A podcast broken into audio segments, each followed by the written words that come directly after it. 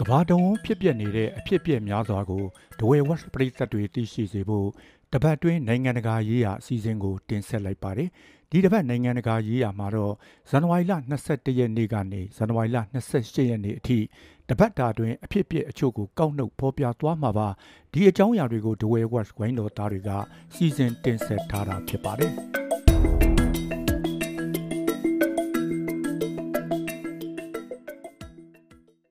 ပါလက်စတိုင်းနိုင်ငံအနောက်ကမ်းခြေမြောက်ပိုင်းမှာရှိတဲ့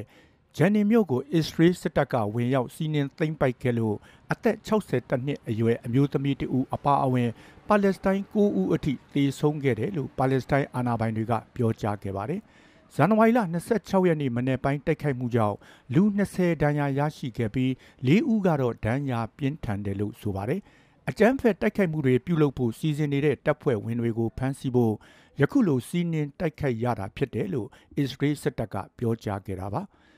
ပါလက်စတိုင်းသမ္မတကတော့အစ္စရေးကိုအစုလိုက်အပြုံလိုက်တပ်ဖြတ်မှုလို့ဆွဆွဲထားပြီးလုံခြုံရေးဆိုင်ရာကိစ္စရပ်တွေကိုအစ္စရေးနဲ့ပူးပေါင်းညှိနှိုင်းတာတွေအဆုံးသတ်တယ်လို့ကြေညာခဲ့ပါတယ်။အစ္စရေးစစ်တပ်ကအကြမ်းဖက်ဝါဒဆက်ကျင်ရေးဆိုင်ရာထိုးစစ်တစ်ခုလို့သတ်မှတ်ပြီးသတ်မှတ်ထားတဲ့အတိုင်းဆက်လက်လှုပ်ဆောင်နေတာကြောင့်အနောက်ဘက်ကမ်းမှာတင်းမာမှုတွေမြင့်တက်နေခဲ့ပါတယ် လန်ဒန်မြို့အရွယ်အစားခတ်ရှိတဲ့ရေခဲတောင်တစ်ခုဟာအန်တာတိကဒေသဘရက်ရေခဲတောင်တန်းကနေဇန်နဝါရီလ22ရက်နေ့ကပြိုကျခဲ့ပြီးမျောလာခဲ့တယ်လို့ဗြိတိန်အန်တာတိကသုတေသနအဖွဲ့ကသတင်းထုတ်ပြန်ခဲ့ပါတယ်။ဆယ်စုနှစ်တွေတုန်းကဘရက်ရေခဲတောင်တန်းမှာအဲ့ရာတွေတွေ့ရှိခဲ့ပေမဲ့ထင်ရှားမှုမရှိခဲ့ပဲပြီးခဲ့တဲ့နှစ်နှစ်ထဲမှာတော့အကွဲကြီးနှစ်ခုထပ်မံပေါ်ပေါက်လာခဲ့ပြီးတဲ့နောက်အခုလိုပြိုကျခဲ့တာဖြစ်တယ်လို့သိရပါတယ်။ အခုပြိုကျခဲ့တဲ့ရေခဲတောင်အပိုင်းကစတူယန်မိုင်600ဧရိယာဝန်းကျင်1550စတူယန်ကီလိုမီတာခန့်ရှိပါတယ်။ဒီရေခဲတောင်ပြိုကျမှုကိုပညာရှင်တွေကမျှော်လင့်ပြီးသားဖြစ်ပြီးရာသီဥတုပြောင်းလဲမှုကြောင့်တော့မဟုတ်ဘူးလို့ဆိုထားပါတယ်။ရေခဲတောင်ပြိုကျခဲ့လို့အေးပူလာကရာသီဥတုပြောင်းလဲမှုတွေဖြစ်ပေါ်လာမှာကိုတော့ပညာရှင်များကစိုးရိမ်နေကြတယ်လို့ဆိုပါတယ်။ အမေရိကန်ကနေဒေါ်လာသန်း400တန်ဖိုးရှိတဲ့ M1 Atbrats တစ်ကား30တစည်းကိုယူကရိန်းနိုင်ငံသို့ပေးပို့သွားမယ်လို့ဇန်နဝါရီလ25ရက်နေ့ကသမ္မတဂျိုးဘိုင်ဒင်ကကြေညာခဲ့ပါတယ်။အဲ့ဒီတစ်ကားတွေကိုယူကရိန်းနိုင်ငံသားတွေသူတို့ရဲ့နယ်မြေကိုကာကွယ်ဖို့လိုအပ်နေလို့ပေးပို့သွားမှာဖြစ်ကြောင်းသမ္မတကနေပြောကြားခဲ့တာပါ။ဘိုင်ဒင်ကယူကရိန်းထံတစ်ကားတွေထောက်ပံ့ပေးမယ်လို့ဂျာမနီရဲ့ကြေညာချက်ကိုလည်းကျေးဇူးတင်ကြောင်းပြောကြားခဲ့ပါတယ် နေတိုးမဟာမိတ်တွေနဲ့ဥရောပနိုင်ငံတွေကလည်းမြေပြင်တိုက်ပွဲမှာအထောက်အကူဖြစ်စေမဲ့စစ်ဘက်ဆိုင်ရာစက်ပစ္စည်းကိရိယာတွေကိုထောက်ပံ့ပေးနေတယ်လို့ဆိုထားပါတယ်။ကရီမလင်နန်းတော်ရဲ့ပြောရေးဆိုခွင့်ရှိသူကတော့ဒီတက်ကားတွေဟာယူကရိန်းမှာရှိတဲ့တက်ကားတွေလိုပဲမီးလောင်ကျွမ်းသွားမှလို့ပြန်လည်တုံ့ပြန်ခဲ့ပါတယ်။ Chris Higgins ကနယူးဇီလန်နိုင်ငံရဲ့40တယောက်မြောက်ဝန်ကြီးချုပ်အဖြစ်ဇန်နဝါရီလ25ရက်နေ့မှာကျန်းသစ္စာကျိန်ဆိုခဲ့တယ်လို့သိရပါတယ်။အသက်44နှစ်အရွယ်ရှိတဲ့ Mr. Higgins ကသူ့ရဲ့လက်ထက်မှာနိုင်ငံရဲ့စီးပွားရေးကိုအဓိကထားဆောင်ရွက်သွားမယ်လို့လည်းပြောကြားခဲ့ပါတယ်။လက်ရှိမှာတော့အထွေထွေရွေးကောက်ပွဲကျင်းပဖို့6လခန့်သာလိုနေတာကြောင့်သူ့အနေနဲ့ဝန်ကြီးချုပ်အဖြစ်6လခန့်သာတာဝန်ထမ်းဆောင်ရမှာဖြစ်ပါတယ်။သူကဝန်ကြီးချုပ် ဂျက်စနာအာရန်လက်ထက်မှာပညာရေးနဲ့ရဲဝန်ကြီးအနေနဲ့တာဝန်ထမ်းဆောင်ခဲ့သူဖြစ်ပါတယ်။ကိုဗစ်ကာလထဲအကြက်တဲတွေကင်တွယ်ဖြည့်ရှင်းခဲ့တာတွေကြောင့်လည်းထင်ရှားလာခဲ့သူတူဖြစ်ပါတယ်။ Avatar 1ရုံတင်ပြီးတဲ့နောက်73နှစ်အကြာမှပြန်လည်ထွက်ရှိလာခဲ့တဲ့ Avatar The Weight of Water ရုပ်ရှင်ဇာတ်ကားဟာယခုပတ်အတွင်းဒေါ်လာ2ဘီလီယံကျော်သွားပြီဖြစ်တယ်လို့သိရပါတယ်။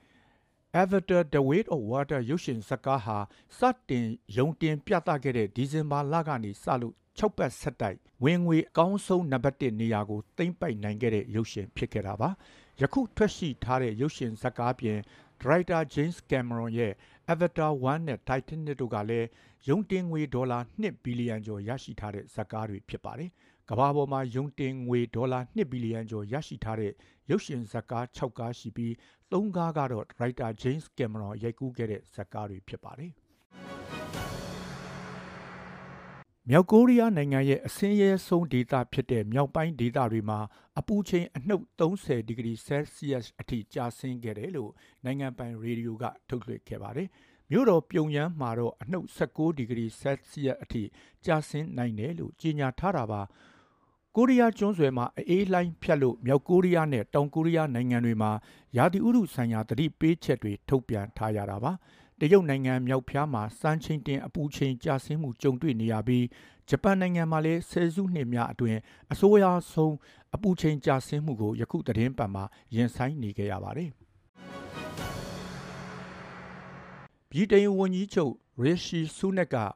ကားနောက်ခန်းမှာလိုက်ပါနေတော့ထိုင်ခုံကပတ်ပတ်မထားပဲဗီဒီယိုတစ်ခုရိုက်ပြီး Instagram ပေါ်တင်ခဲ့ပါတယ်ဗီဒီယိုရိုက်နေချိန်ဆူနက်ကလန်ကက်ရှားယားမှာရောက်နေတာကြောင့်လန်ကက်ရှားယားရဲတပ်ဖွဲ့ကနေသူ့ကိုဒဏ်ငွေပေါင်100ပေးဆောင်မှုချမှတ်ခဲ့ပါတယ်ဒီအမှုကတရားရုံးအထိရောက်သွားရင်ဒဏ်ငွေပေါင်900အထိတောင်ချမှတ်ခံရနိုင်တယ်လို့သိရပါတယ်။ ဆူနက်ကလည်းထိုင်ခုံကပတ်မပတ်မိတဲ့အတွက်သူ့အမားအတွက်တောင်းပန်ပြီးဒဏ်ငွေကိုလည်းပေးဆောင်သွားမယ်လို့ဒေါင်းနင်းလန်းနေအိမ်ကနေထုတ်ပြန်ခဲ့ပါတယ်။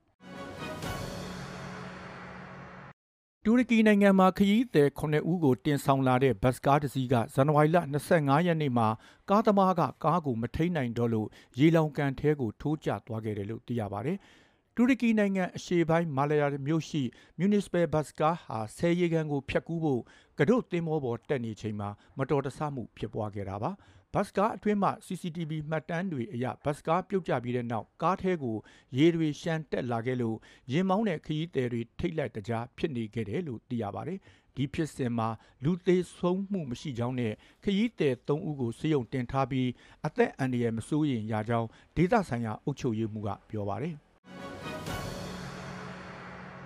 ဗြိတိန်နိုင်ငံအတွင်းသို့ဖျက်ကျော်ဝင်ရောက်လာခဲ့တဲ့ရွှေပြောင်းကလေးငယ်အယောက်200ဝန်းကျင်ဟာပျောက်ဆုံးနေကြောင်း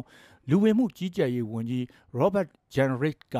ဗြိတိန်လွှတ်တော်အမတ်တွေကိုဇန်နဝါရီလ24ရက်မှာပြောကြားလိုက်ပါတယ်2021ခုနှစ်ဇူလိုင်လကတည်းကရွှေပြောင်းကလေးငယ်ပျောက်ဆုံးမှုပေါင်း440ရှိခဲ့ပြီးပျောက်ဆုံးနေသူ200ဝန်းကျင်မှာပျောက်ဆုံးနေစေဖြစ်ကြောင်း Jenrick ကပြောပါတယ်။ပျောက်ဆုံးနေတဲ့ကလေးငယ်တွေရဲ့88ရာခိုင်နှုန်းဟာဆယ်ကျော်သက်အရွယ် အယ်လ်ဘေးနီးယားလူမျိုးတွေဖြစ်ပါတယ်။အင်္ဂလိပ်ရေလက်ကြားကိုလှေငယ်တွေနဲ့ဖြတ်ကူးလာကြတဲ့ရွှေပြောင်းနေထိုင်သူအရေးအတွက်တဟုန်ထိုးတက်လာတာကြောင့်အစိုးရဟာခိုလုံခွင့်တောင်းခံသူတွေကိုနေရေးထိုင်ရေးကူညီဖို့2021ခုနှစ်ဇူလိုင်လမှာဟိုတယ်တွေကိုတုံးလာခဲ့ရပါတယ်။နေတိုးအဖွဲ့ဝင်ဖြစ်ရေးကြိုးပမ်းနေတဲ့ဆွီဒင်နိုင်ငံအနေနဲ့သူ့ရဲ့ထောက်ခံမှုရရှိဖို့မမျှော်လင့်နဲ့လို့တူရကီသမ္မတ ရီချစ်တာရစ်အာဒူဂန်ကဇန်နဝါရီလ23ရက်မှာတတိပေးပြောကြားလိုက်ပါတယ်။ဆွီဒင်နိုင်ငံစတော့ဟုမ်းမြို့ကတူရကီတန်ယုံရှိမှာအစ္စလမ်ဘာသာဝင်တွေရဲ့ကျမ်းစာအုပ်မိတူကိုမိရှို့ခဲ့တဲ့ဖြစ်ရပ်ပေါ်ပေါက်လာခဲ့ပြီးတဲ့နောက်သမရကပထမဆုံးခုလိုတုံ့ပြန်ပြောဆိုလိုက်တာပါ။စီရေးအရဂျာနီဝါဒကင်ဆွဲထားခဲ့တဲ့ဆွီဒင်နဲ့ဖင်လန်နိုင်ငံတို့က သမိုင်းဝင်ဆုံးဖြတ်ချက်ကိုပယ်ဖျက်ပြီးနေတိုးအဖွဲ့ဝင်ဖြစ်ရေးကြိုးပမ်းနေကြတာမှာတူရကီရဲ့ထောက်ခံမှုကိုမရရှိသေးတာပါတူရကီနိုင်ငံမှာသမ္မတနဲ့ပါလီမန်ရွေးကောက်ပွဲတွေကျင်းပမဲ့မေလမတိုင်ခင်ဆွီဒင်နဲ့ဖင်လန်နိုင်ငံတို့နေတိုးအဖွဲ့ဝင်ဖြစ်ရေးအလားအလာတွေလည်းသမ္မတရဲ့မှတ်ချက်စကားကြောင့်အလံဝေးသွားခဲ့တယ်လို့ဆိုပါတယ်ပရိသတ်ပေါင်းတို့စေရောကိုပါကျမ်းမာချမ်းသာကြပါစေကြောင်းနဲ့ ကပ်ဘေးအမျိုးမျိုးကနေအမြန်ဆုံးလွတ်မြောက်ကြပါစေကြောင်းဒဝဲဝက်ဝိုင်းတော်သားတွေကစုမုံကောင်းတောင်းအပ်ပါတယ်။နောက်ဝက်ပါမှာလည်းနိုင်ငံတကာရေးရာအစီအစဉ်ကိုစောင့်မျှော်အားပေးကြပါအောင်ခင်ဗျာ။